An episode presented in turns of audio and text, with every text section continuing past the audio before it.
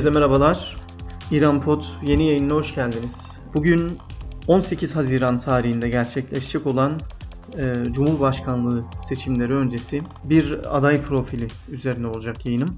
Tabii birçok aday var. E, yaklaşık 500 kişi Cumhurbaşkanlığı seçimleri için e, adaylık başvurusunda bulundu ve bunların yaklaşık 50 tanesi tanınan bilinen isimler. E, bu adaylar içerisinde ismi daha çok öne çıkan e, ve seçilmesine ihtimal verilen bir isim var. İbrahim Reisi.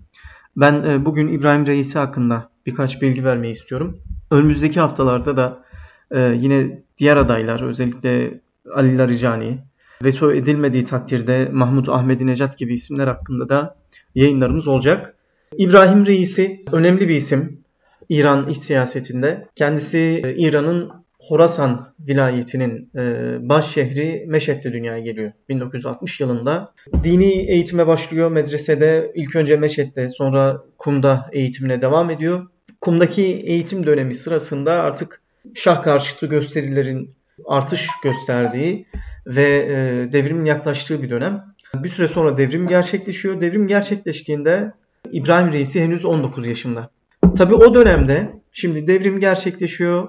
Ee, şah yanlısı birçok isim devlet kadrolarında işte yargı, askeri, siyaset gibi alanlarda birçok isim tasfiye ediliyor ve bir boşluk oluşuyor. Devrimci kadrolara bir ihtiyaç oluyor. O dönemde e, devrimin önemli figürlerinden Ayetullah Behişti önderliğinde hızlı bir formasyon, hızlı bir eğitim süreci başlıyor. Devrimci kadroları yetiştirip e, atamak için Kum'daki medreselerden 70 kişi alınıyor. Ayetullah Hamaney, Ayetullah Musevi Erdebili, Ayetullah Beyişti gibi önemli isimler dersler veriyor.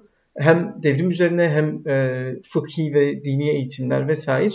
Sonra bu 70 isim önemli noktalara atanıyor. Bunlardan e, birisi de bu 70 kişiden birisi de İbrahim Reisi.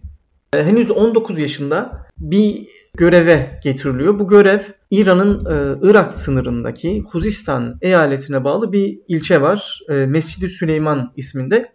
Bu ilçe önceden solcuların elinde, Marksistlerin elinde.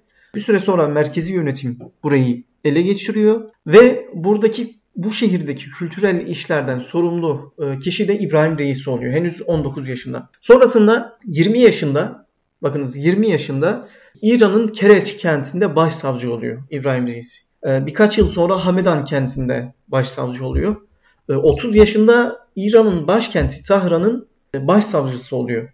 İbrahim Reisi. Yargı alanında yükselişi bu şekilde devam ediyor. Ta ki bugün yargı erki başkanı e, yanılmıyorsam 2019 yılında bu göreve getirildi. Tabi İbrahim Reisi'nin öncesinde yapmış olduğu bir üstlendiği bir görev daha var. E, 2016 yılında Astana Kutser Razevi isimli bir vakfın yöneticisi oluyor İbrahim Reisi. Peki bu vakıf nedir? Ee, özelliği nedir bu vakfın diye soracak olursak. E, bu vakıf Safeviler döneminde kuruluyor. Şah Abbas Meşet kentini Özbek Şeybanilerden ele geçirdikten sonra bu kentte iyiliğin İsna Aşeriye koluna göre 8. imam kabul edilen Ali Er Rıza ya da İmam Rıza'nın türbesi bulunuyor bu kentte. Yani e, ve Şah Abbas bu kenti aldıktan sonra türbe etrafındaki kültürel hayır işleri için bu vakfı tesis ediyor. Çünkü o dönem İran topraklarındaki en büyük Şiilik inancına göre en büyük merkez, en önemli, en kutsal yer orası. Mukaddes addedilen yer orası. Bu vakıf kuruluyor orada. Zaman içerisinde genişliyor. Devrim sonrası bu vakıfta bir dönüşüm gerçekleşiyor. Büyük bir kültür, dini merkez olduğu gibi büyük bir ekonomi merkezi oluyor. Bugün bu vakıf bünyesinde Otobüs fabrikası var. Bu vakıf bünyesinde iki üniversite var. ilaç fabrikası var. Hastane var. Yani bütün sektörlerde bu vakfın yatırımları bulunuyor. Hatta Meşet kentinin toplam arazisinin %43'ü bu vakfa ait. Yani Konya büyüklüğünde belki daha büyük bir alan düşünün ve bu e, şehrin %43'lük arazisinin bu vakfa ait olduğunu düşünün. İbrahim Reis 2016 yılında bu vakfın başkanlığına getiriliyor. Ee, yaklaşık 3 yıl başkanlıkta bulunuyor. İbrahim Reisi'den önce bu vakfın başkanlığında Ayetullah Tebesi bulunuyordu ki kendisi Ayetullah Hamene'in dünürü olur aynı zamanda. 35 yıl bu vakfın başkanlığını yürüttü. Vefat ettikten sonra e, bu vakfın başkanlığına İbrahim Reis'i getirilmişti. E, İbrahim Reis'i 2017 yılında Cumhurbaşkanlığına aday olmuştu. Rakibi Hasan Ruhani'ydi. Yaklaşık 17 milyon oy aldı fakat yarışı kaybetti İbrahim Reis'i. Şimdi bu yıl gerçekleşecek Cumhurbaşkanlığı seçimlerinde de adaylığını ilan etti. İbrahim Reis'i özelinde şunu da söyleyebiliriz. Hamaney sonrası devrim rehberliği için ismi geçen kişilerden birisi.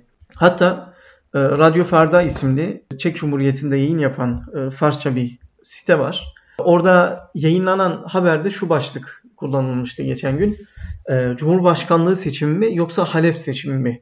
Yani İbrahim Reis'i Cumhurbaşkanlığı seçildiği takdirde Hamaney sonrası devrim rehberliğine kesin gözüyle bakanlar var. Fakat buna karşın İbrahim Reis'i seçimi kaybettiği takdirde artık iki kez Cumhurbaşkanı adayı olmuş ve iki kez kaybetmiş bir ismin e, devrim rehberliği şansının da artık e, tamamen biteceği söylenmekte. İbrahim Reis hakkında söyleyeceklerim bu kadar. E, önümüzdeki haftalarda diğer adayları da odaklanacağız. Tabii Anayasayı Koruyucular Konseyi henüz adaylık başvurularına dair e, kesin kararı vermiş değil. Sanırım önümüzdeki hafta e, adaylığı kabul edilen isimler açıklanacak. E, maksimum 10 kişi olacak diye düşünüyorum ve Mahmut Ahmet Necat'ın adaylığı veto edilirse büyük oranda yarış İbrahim Reisi ve Ali Laricani arasında geçecektir.